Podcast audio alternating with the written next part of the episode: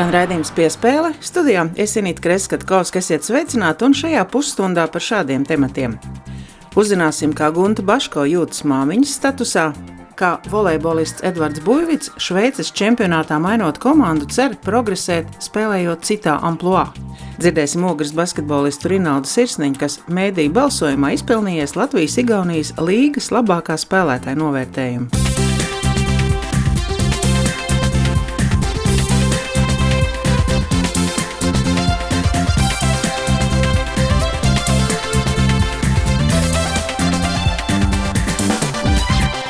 Ilgadējā Latvijas sieviešu basketbola izlases kapteina un līderi Gunta Baško rīt svinēs apaļu dzīves jubileju, tāpēc raidījumā piespēle sarunāsimies ar viņu par nesen sākušos jauno dzīves posmu. Gunta jau gandrīz 5 mēnešus ir mamma meitiņai Matildei. Savu daļu uzmanības jāatrod arī sunim Vudijam, kā arī fiziskajām aktivitātēm svaigā gaisā un ģimenei. Uzzināsim, kā bijusī basketboliste plāno savu laiku, kurā no pasaules basketbola laukumiem gribētu aizvadīt vismaz vēl vienu spēli, kā arī to, cik nozīmīga komanda Latvijas basketbola asinsritē ir TTT Rīga. Gunta Baško uzrunāja mans kolēģis Mārtiņš Kļavanieks. Latvijas radio pirmā kanāla sporta raidījums piespēlē nebijušā formātā, jo audiāli kā alaži varat mūs dzirdēt Latvijas radio pirmā kanāla ētrā, bet, nu, saistībā ar šī brīža interesanto un ekstraordināro situāciju pasaulē arī digitāli varat mūs redzēt, meklējiet Latvijas radio viens kanālu Facebookā, tur būs arī mazs um, izgriezumiņš, video gabaliņš no sarunas ar šī raidījuma viešņu, tā ir Gunta Baško, nu jau bijusī basketboliste, bet Latvijas sieviešu basketbola izlases ģenerāla menedžere. Sveika, Gunta! Jā, labdien! Bijusī basketboliste, tagad ģenerāla menedžere, tev tā karjeras pārēja un maiņa diezgan ātri notika, un tagad vēl viena pārēja. Tagad tu esi arī jaunā māmiņa. Tas viss ir kaut kā jāapvieno. Pirmkārt, tas ir ārkārtīgi foršs laiks. Nav viegls, es teikšu, godīgi, bet uh, man patīk laikam būt mammai. Un, uh, redzēt, kā mazā aug un, un, un katru dienu kaut ko jaunu izdomā un iemācās. Un tas tiešām ir tā e, piepildoši. Un, un saistībā ar e, ģenerāla menedžera darbu šobrīd, kā teikt, esmu pagājis pavisam maliņā.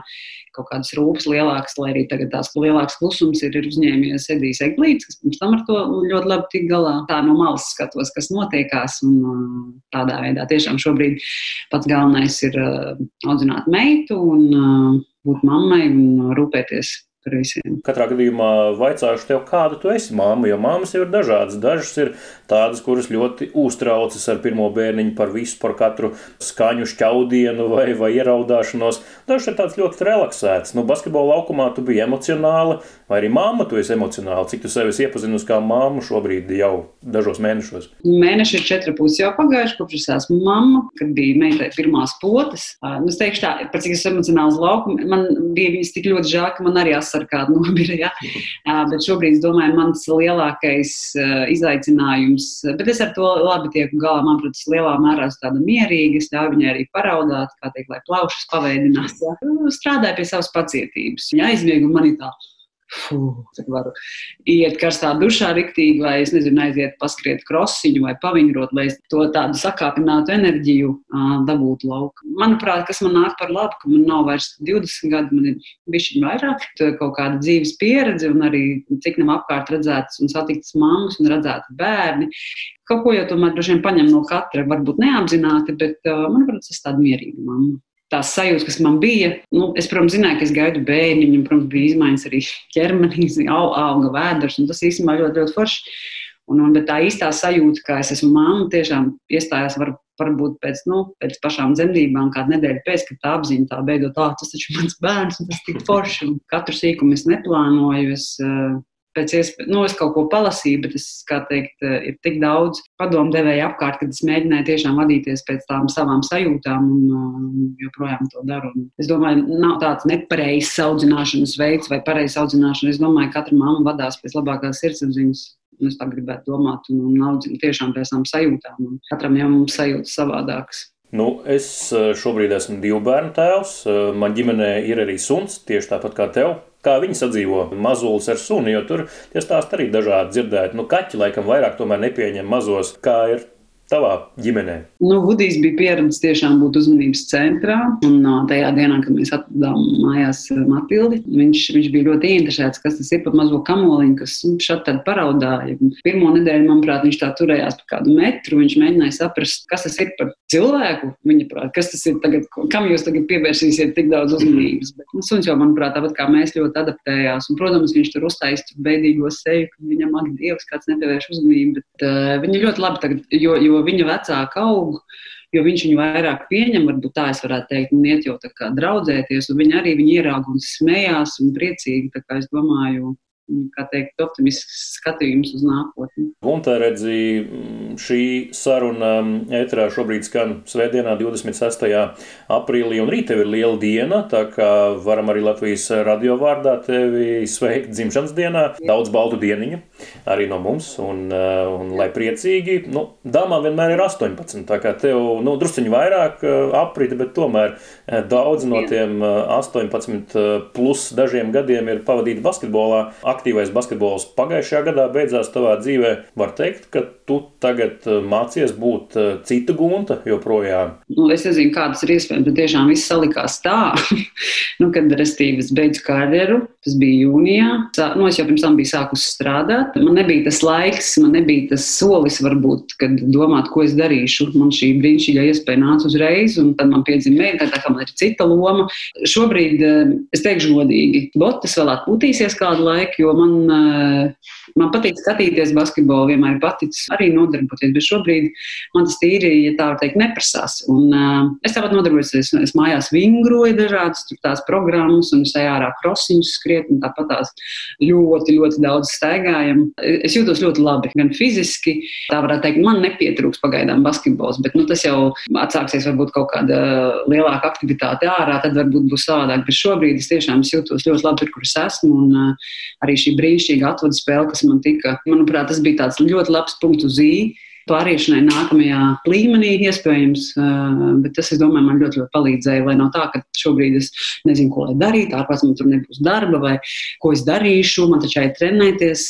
Šī sajūta, protams, ir, ir man ārkārtīgi patīk būt kustīgai, aktīvai, skriet, vingrot visā visumā es kustos, lai labāk justos, teiksim tā, un es jūtos labi. Par to karjeras pārēju es arī gribēju vaicāt. Tu jau minēji, ka tā, tā ļoti organiski sanāca, bet 2000. gadu sākumā, kad jūs ar Lienu Jansoni bijāt Amerikā, studējāt un paralēli basketbola spēlēšanai ieguvāt arī augstāko izglītību, tā nebūtu nebija ierasta prakse Latvijas basketbolistiem. Tagad ļoti daudz to izvēlas, ne tikai basketbolisti, arī citu komandu sporta veidu pārstāvji. Tas tev cik daudz deva tavā rezumē, ka bija šāds ieraksts, ka tev ir augstākā izglītība lai gan Amerikā iegūta, bet tik un tā augstu vērtējama. Šī pieredze man lika pieaugt ļoti ātri. Droši vien iemācīja man uzsūkt šo jauno informāciju, šo jauno vidi, visu jauno īstenībā, kas man bija. Un, es domāju, tas man ļoti palīdzēja veidoties gan kā personai, gan, gan kā basketbolistē. Un, arī, protams, gal galā iegūtā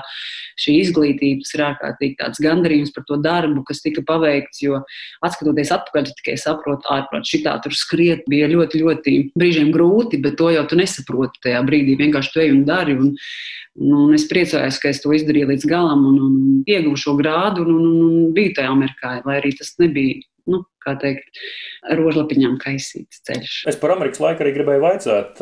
Jaunākā paudze, kura mūs klausās un skatās, šobrīd arī iespējams pat nezina, kā esat jūs abas redzamas arī dokumentālajā filmā, atrasts Amerikā abas ar Lienu Jansonu, bet gribu, lai tu atcauc atmiņā to savu braucienu, kad tu kāpi lidmašīnā un pirmoreiz lidoji uz ASV, tad, kad tu vēl biji eh, neziņā par to, kas tev gaida. Jā, traki. Man sakot, man arī bija jākārto šie testi. Kaut kāds tests bija, kad man bija no Amerikas sūtīja manam skolas direktoram testu, kur klātbūtnēs pildītu ACT, iespējams, to testu. Un man bija jāgaida atbildes. Biļete man bija nopirkta uz piekdienu, to es atceros, bet um, man vēl nebija atnākta. No laikam tur bija viss, ka mani pieņēma tajā skolā. Svētdien man zvanīja teica, ka tu esi pieņemta, un tad tajā piekdienā man būtu jāatdo. Bet vēl nebija atnākusi pa pastu. Man nebija atnācis ielūgums, lai es varētu dabūt vīzu. Kā rezultātā es vēl ceturtdienu no rīta gāju nu, braucu no Olēnas, es dzīvoju Olēnā, braucu uz, uz, uz Amerikas vēstniecību. Cikos 8, 9 viņa taisījās vaļā, es iegāju iekšā, teicu, nu, labdien, tāda situācija, man rīt jāatbrauc prom.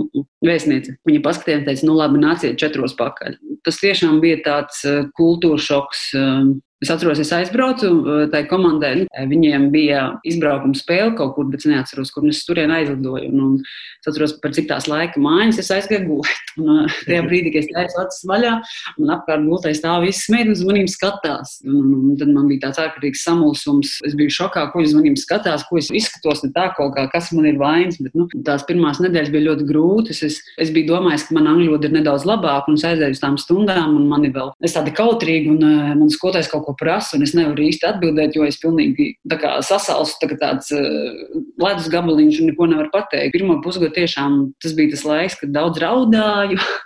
Daudz rakstīju vēstules, un nu, jā, bija nedaudz savādāk kā tagad. Es domāju, tagad, piemēram, ir visi šie šie, šie internetā iespējamās saziņas jā, ar, ar video zvaniem, kas ir vispār tik fantastiski īstenībā. Un, um, man iemācīja kaut ko citu. Jā. Manuprāt, joprojām saņemt kartiņu vai vēstuli pa pastu, tas ir tik ārkārtīgi forši. Par tavu basketbola karjeru runājot, nu, tie klišejiskie jautājumi ir, eh, kura komanda visvairāk palikusi sirdī, kura atmiņa vissiltākā. Es jautāšu tā, kurš laukums ir tas, uz kuru tu vēlreiz gribētu nospēlēt vienu spēli? Divi laukumi, kurus gribētu nospēlēt. Vēlreiz viens laukums ir Francijā, komandā Basketlands. Tā bija mana pēdējā komanda ār, ārzemēs. Un uh, es noteikti, nu, ja būtu tāda iespēja nospēlēt vēl Olimpiskajā centrā, jo man tur uh, ļoti tuvu, nu, man ļoti, tur ļoti patīk spēlēt. Manuprāt, tur tāda ļoti tāda mājīga zelta, tāpat tās tajā Basketlandēs. Tur uh, vienmēr bija labs atbalsts, un, un tā zāle pati tāda, tāda ļoti, ļoti mājīga lai šīs jaunietes un junioras pārkāptu tajā nākamajā līmenī, proti, pie profesionāliem. Ļoti svarīgs ir vietējais čempionāts, un nu, šobrīd tā situācija pavisam neiezīmējas patīkama.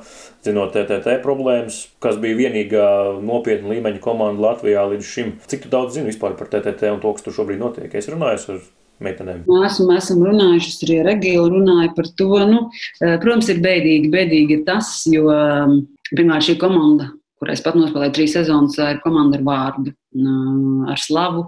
Un, tur vienmēr ir bijušas tādas arī tādas kapātājas, ja, kas, vienmēr ies un darīs, un neskatoties ne uz ko. Un, šobrīd vienkārši tāda situācija ir šajā klubā, bet Un arī šajā situācijā tas nav tikai šeit, ja, ir vismaz saistībā ar šo pandēmiju. Problēmas ir visur. Un es domāju, viņas arī būs kādu laiku. Bet ir ļoti, ļoti svarīgi, lai mēs varētu atrast eh, kopsaucēju, gan, piemēram, eh, klubs ar, ar dibinātājiem un, un mēģināt atrast šos līdzekļus, lai, lai šī komanda pastāv, lai viņi ir. Jo tomēr, ko, ko mums dotu, piemēram, šī komanda? Mums dotu darbu cilvēkiem, tāda augšanas virzība, tādu mērķi jaunajām meitenēm, uz kuriem tiekties. Tas audzina dažādu vecumu izlašu spēlētājs, kā arī tur ir šī junioru komanda. Ja? Tāpēc ir ārkārtīgi svarīgi, lai šī komanda turpinātu būt un mēs varētu atrisināt šīs finansiālās grūtības, kas ir šobrīd. Tas būtu traki, ja viņas nebūtu. Es nevaru iedomāties, piemēram, Rīga. Nu, labi, es saprotu, es esmu basketbols, es spēlēju TTT, bet es domāju, ļoti daudziem izdarot vārdu Rīga tieši ar basketbolu saistībā, kas ir varbūt ne Latvijā un citas komandas, kuras es arī spēlēju. Saka, jā, es esmu no Rīgas, un tad ļoti daudz. Pirmais, kas viņiem nāk prātā, ir TTT. Es domāju, šī, šī komanda mums noteikti ir vajadzīga. Tāda lūk saruna ar uh, Guntu Baško. Vēl jautāšu tev, uh, skaidrs, ka tev ir ko darīt šajās dienās arī, tad, kad uh, vīrus plosās apkārt, bet nu, varbūt atrodot brīvbrīdi, kas ir tas, kā tu sev palutini? Kad man ir laiciņš sev, tas, kad nav bieži, ka teicis iet ārā ar meitu vai kā. Man ļoti patīk sevi paskriet. Tiešām atrod šo fizisko nodarbi, vai sakārtoju māju. Tas man tā kā atbrīvo, iztīrās galva, un es it kā skrienot vai kaut ko darot, tā kā nogūšu, it kā, it kā atdotu enerģiju, bet savukārt viņi tā kā sasmeļos no tā visa. Un, nu, vēl man patīk ēst, uztaisīt kaut ko garšīgu. Pirmkārt, mēģinām to leduskapa plauktus nenoslogot tik daudz, lai nav, nav šī, šī vēlme, ka mēģinām kustēties vairāk. Tas droši vien novēlējums arī visiem klausītājiem un arī skatītājiem no Gundas Baško kustēties vairāk, mazāk viriniet leduskapi durvis pandēmijas laikā un vairāk svaigā gaisā. Pastaigas, skrējiens, tas viss nāks jums tikai par labu. Paldies, Gunte, par sarunu. Tad jau tiekamies kādu citu reizi, vai nu basketbola laukuma malā, vai kādā citā formātā, mm, uz saziņu. Veiksmu un veselību visiem uz saziņu! Tie, kas skrien, tie arī ātrāk tiek pēc tam pa karjeras kāpnēm uz augšu. Kad tev paliek viss grūtāk, bet tu zini, ka tu cīnies par komandu, tu cīnies par Latvijas vārtu, un tur parādās tā cīņa. Okras basketbolists Rinalds Sirsniņš mēdī balsojumā izpelnījies Latvijas-Igaunijas līgas labākā spēlētāja novērtējumu. Līga netika pabeigta, bet tomēr portāls Sporta centrs kom aicināja 18 par basketbolu rakstošus, runājošus un rādošus mēdī pārstāvjus balsot par sezonas labākajiem spēlētājiem. Pie vērtīgā spēlētāja titula tika Ogra sirds un dvēsele Rinalds Sirsniņš. 34 gadu vecumā Rinaldam tas ir pirmais šāds apbalvojums. Otrs labākais līgas piespēlētājs, ceturtais rezultatīvākais savā komandā, taču vēl svarīgāk - savas komandas spēles diriģents. Laureātus sarunu aicināja kolēģis Māris Bergs. Ogre jau iepriekš bija starp Latvijas vadošajām komandām, bet līdz ar trenera Nikolaja Mazura ierašanos komandā jūs šķietami pārkāpāt jaunā līmenī. Kas mainījās komandā ar viņa ierašanos? Treneris Mazurs neko teiksim, jaunu Ameriku nav atklājis. Un neko jaunu viņš mums neliek darīt. Vienkārši viņam varbūt bija tāds svaigs skats no malas uz mums, un viņš redzēja, ko kurš katrā situācijā var labāk izdarīt. Un attiecībā pret mani tas bija varbūt vairāk pikantrols spēlēt un atrasties mazliet ilgāk laukumā, kā es to biju līdz šim darījis. Es domāju, ka jā, tas mehānisms jau bija jau iestrādāts jau ar gadiem ogres komandai, bet uh, viņš pamainīja tieši detaļas. Pats aizvadīja vienu no labākajām sezonām savā karjerā un bija starp līgas labākajiem spēlētājiem. Vai arī šogad jūti izaugsmi pats savā spēlē? Varbūt tāda liela izaugsme es nejūtu. Varbūt pārliecība, varbūt tā, kas aug ar katru gadu nospēlēt, varbūt nāk tā pārliecība arvien lielāka un lielāka. Bet, nu, Skaidrs ir tas, ka, jo tu kļūsi vecāks, kaut kas nāk klāt un kaut kas iet nost. Jā. Ātrums vai vēl kaut kas ir jākompensē ar intuīciju vai arī kaut kāda spēles lasīšana dotajā situācijā. Un, protams, tas liels paldies gan trenerim Mazuram, kas pamainīja kaut kādas nianses un detaļas. Līdz ar to arī mana paša sniegums uzlabojās. Bet nu, liels paldies arī komandai, kur atļāva un uzticējās man un atļāva man vadīt to saspēli. Un, nu, droši vien jau kā arī trešais gads, ko mēs pavadām kopā vienā komandā, tas arī savu lomu spēlē. Ir tādi vairāk apstākļi, kāpēc domāju, šī sezona ir izdevusies. Kādā no pēcspēles intervijām teici, ka treneris Mazurs komandā ieviesis elpošanas un jogas vingrinājumus. Esi viens no pieredzējušākajiem spēlētājiem ogres sastāvā, tāpēc jāprasa, vai šie vingrinājumi personīgi tev ir palīdzējuši. Mm, jā, viennozīmīgi. Trenerim Mazuram jau li pašam liela pieredze ar šiem elpošanas vingrinājumiem un jogu. Man tā bija pirmā pieredze, jo viņš bija pirmais treneris, kas to ieviesa mums. Un es zinu, ka mēs daudz džeki joprojām taisa gan vingrinājumus, gan pajogo, gan plus mēs ejam vēl augstajos ūdeņos peldēties. Tā kā, nu, tas viss tāds komplektiņš ir, kas ļoti, vismaz manuprāt, ir ļoti, ļoti palīdz savam ķermenim atjaunoties. Jo, kā jau minēju, es esmu viens no vecākajiem komandā, un bez elpošanas, jogas un ledus peldes. Es, Es domāju, ka es nevarētu būt tādā formā, kā es biju. Kā tad sākās Ogres kluba aizraušanās ar ledus peldēm? Jā, tas sākās, ja nemaldos, pagājušās sezonas ziemā, kad mums bija komandas saliedēšanās pasākums, un tajā pasākumā mums tāda tā kā savu veidu lekciju vadīja Kaspars Vendels, ogrēnieks, kas ir aizrāvies ar biohackingu. Pēc viņa lekcijas mēs arī, viņš tādu tā kā challenge uztaisīja. Vīri, jums katram jāielien augstā ūdenī 10 sekundes, jānotup, jāpasaka savs vārds, uzvārds un ārā. Nu, tas bija vairāk kā challenge. Toreiz jau visa komanda ielīda ūdenī, arī tā bija visiem pirmā pieredze, tā mēs aizsākām praktiski nu, teiksim, 70% no komandas mēs gājām jau nu, otro gadu, jau mēs ejam peldēt visu caur gadu. Skaidrs, ka vietējie spēlētāji par peldēšanu augstā ūdenī ļoti labi zina, bet jūsu amerikāņu leģionāram Jamesam Beitmonam tas droši vien bija liels šoks. Nu jā, tas, viņš pieder pie tiem 30%, kas, kas negāja, bet tad, kad bija starp citu pa viņu runājot par Jamesu kad bija savu, arī komandas saliedēšanās pasākums ar Elmāru Pļaviņu, mūsu kapelānu komandas. Tad tur viens no uzdevumiem bija, ka mūsu trietā sasēja kopā, un, teiksim tā, trīs cilvēki, mūsu rokas tiek sasiestas, vidējām abas rokas, un bija kaut kāda noteikti, nezinu, metri 15, 20 bija augstā ūdenī jāpeld. Tur bija tas komandas gars, vienota komanda, vajadzēja būt vienādas kustības, būt un tā tālāk. Esi augstā ūdenī, un tas bija diezgan, diezgan interesants pasākums. Bet uh, James cepur nost tieši tāpat kā vispārējie. Gāja ūdenī un peldēja, bet jā, nu, pēc tam viņš teica, ja es stāstītu kaut ko tādu, ko es darīju šeit, es Amerikā neviens neticētu. Jo tas priekš viņiem ir kaut kas nu, diezgan traks lietas. Šogad jutāt papildus uzmanību no pretiniekiem, ka viņi jūs ir padziļinātāk pētījuši un īpaši piedomājuši, kā varētu jūs apturēt. Nu, jā, protams, mūsdienās es domāju, ka visas komandas skauto pilnīgi visus pretinieks. Vairs nav tā, ka kāds atnāks un domā, oi, tur nāk liepāja vai kas tur, nu, viena no pēdējām vietām, vai tur universitāte ka mēs varam neskautot un varam mierīgi minēt, apmēram nenovērtējot. Bet mūsdienās tā, nu, vismaz es neesmu dzirdējis, ka kāda komanda atļaujas darīt, tāpēc, var nu, ātri vien dabūt pa muguru, ja ne, nepieiet uz visiem simts pret, preti, pretinieku. Bet, Jā, es domāju, ka visgrūtāk mums bija jau, ka mums bija, bija tās 15 uzvaras pēc kārtas. Mēs nebijām zaudējuši katrs pretinieks nāca ar dubultu motivāciju pret mums. Viens ir tas, ka sagādāt līderiem zaudējumu, otrs arī izbeigt mūsu to uzvaru sēriju. Kā, nu, jā, tas bija arī mums, kā BK ogles spēlētājiem, bija mazliet spiediens gan no mēdīju puses, gan no fanu puses, gan arī ģimenes, jo visi, visi zināja to 15-0. Un ar katru spēli bija grūtāk un grūtāk. Sezonu kopumā aizvadījāt vienā elpas vilcienā un bez vērā ņemamiem kritumiem. Kas ļāva Ogrē šo sezonu spēlēt tik ļoti stabili, kā jūs to darījāt? Treneris noteikti treneru korpusu nopelns, arī fizioterapeits, jo mēs bijām.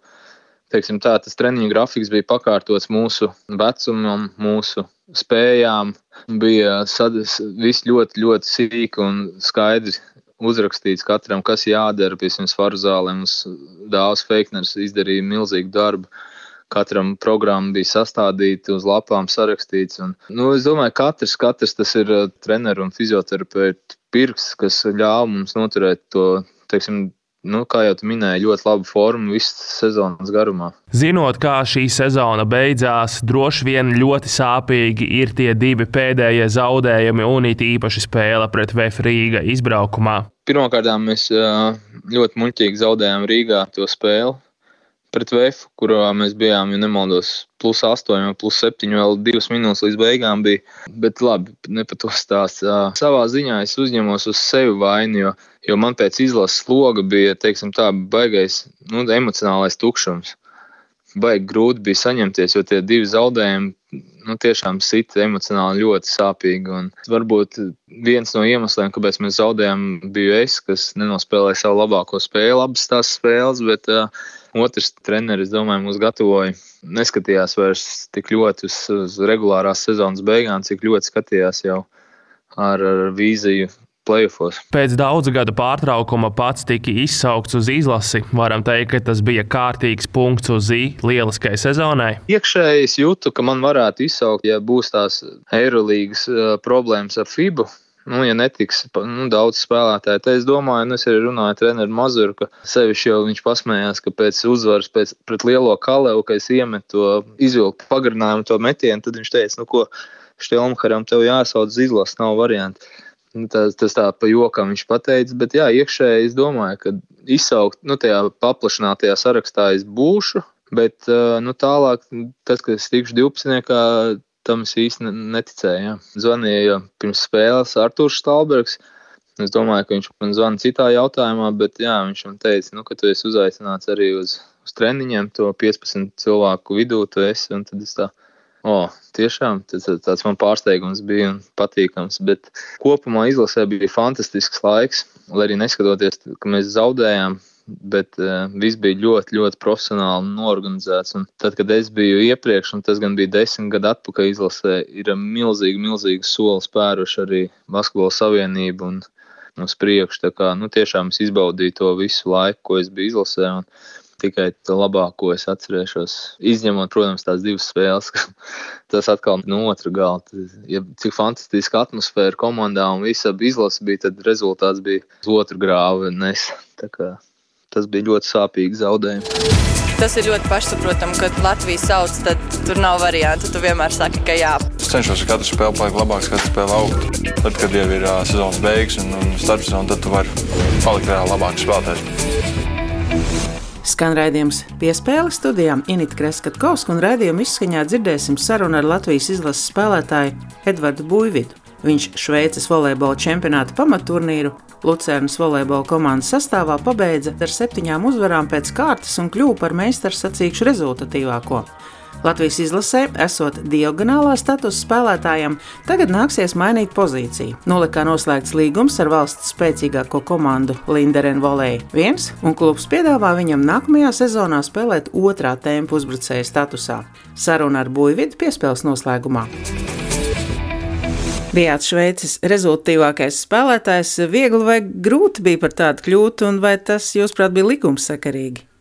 Viegli laikam jau nebija, bet e, katrā ziņā tas nebija tāds nolikts mērķis vai kaut kā tam līdzīga. Nu, tas dabiski nāca, un kā spēlētājs es darīju lietas vienkārši, lai komanda uzvarētu un maksimāli palīdzētu komandai. Un, ja tas ir gūt daudz punktus, tad e, nu, Tā tas šoreiz e, bija, un arī mans pozīcijas mērķis ir.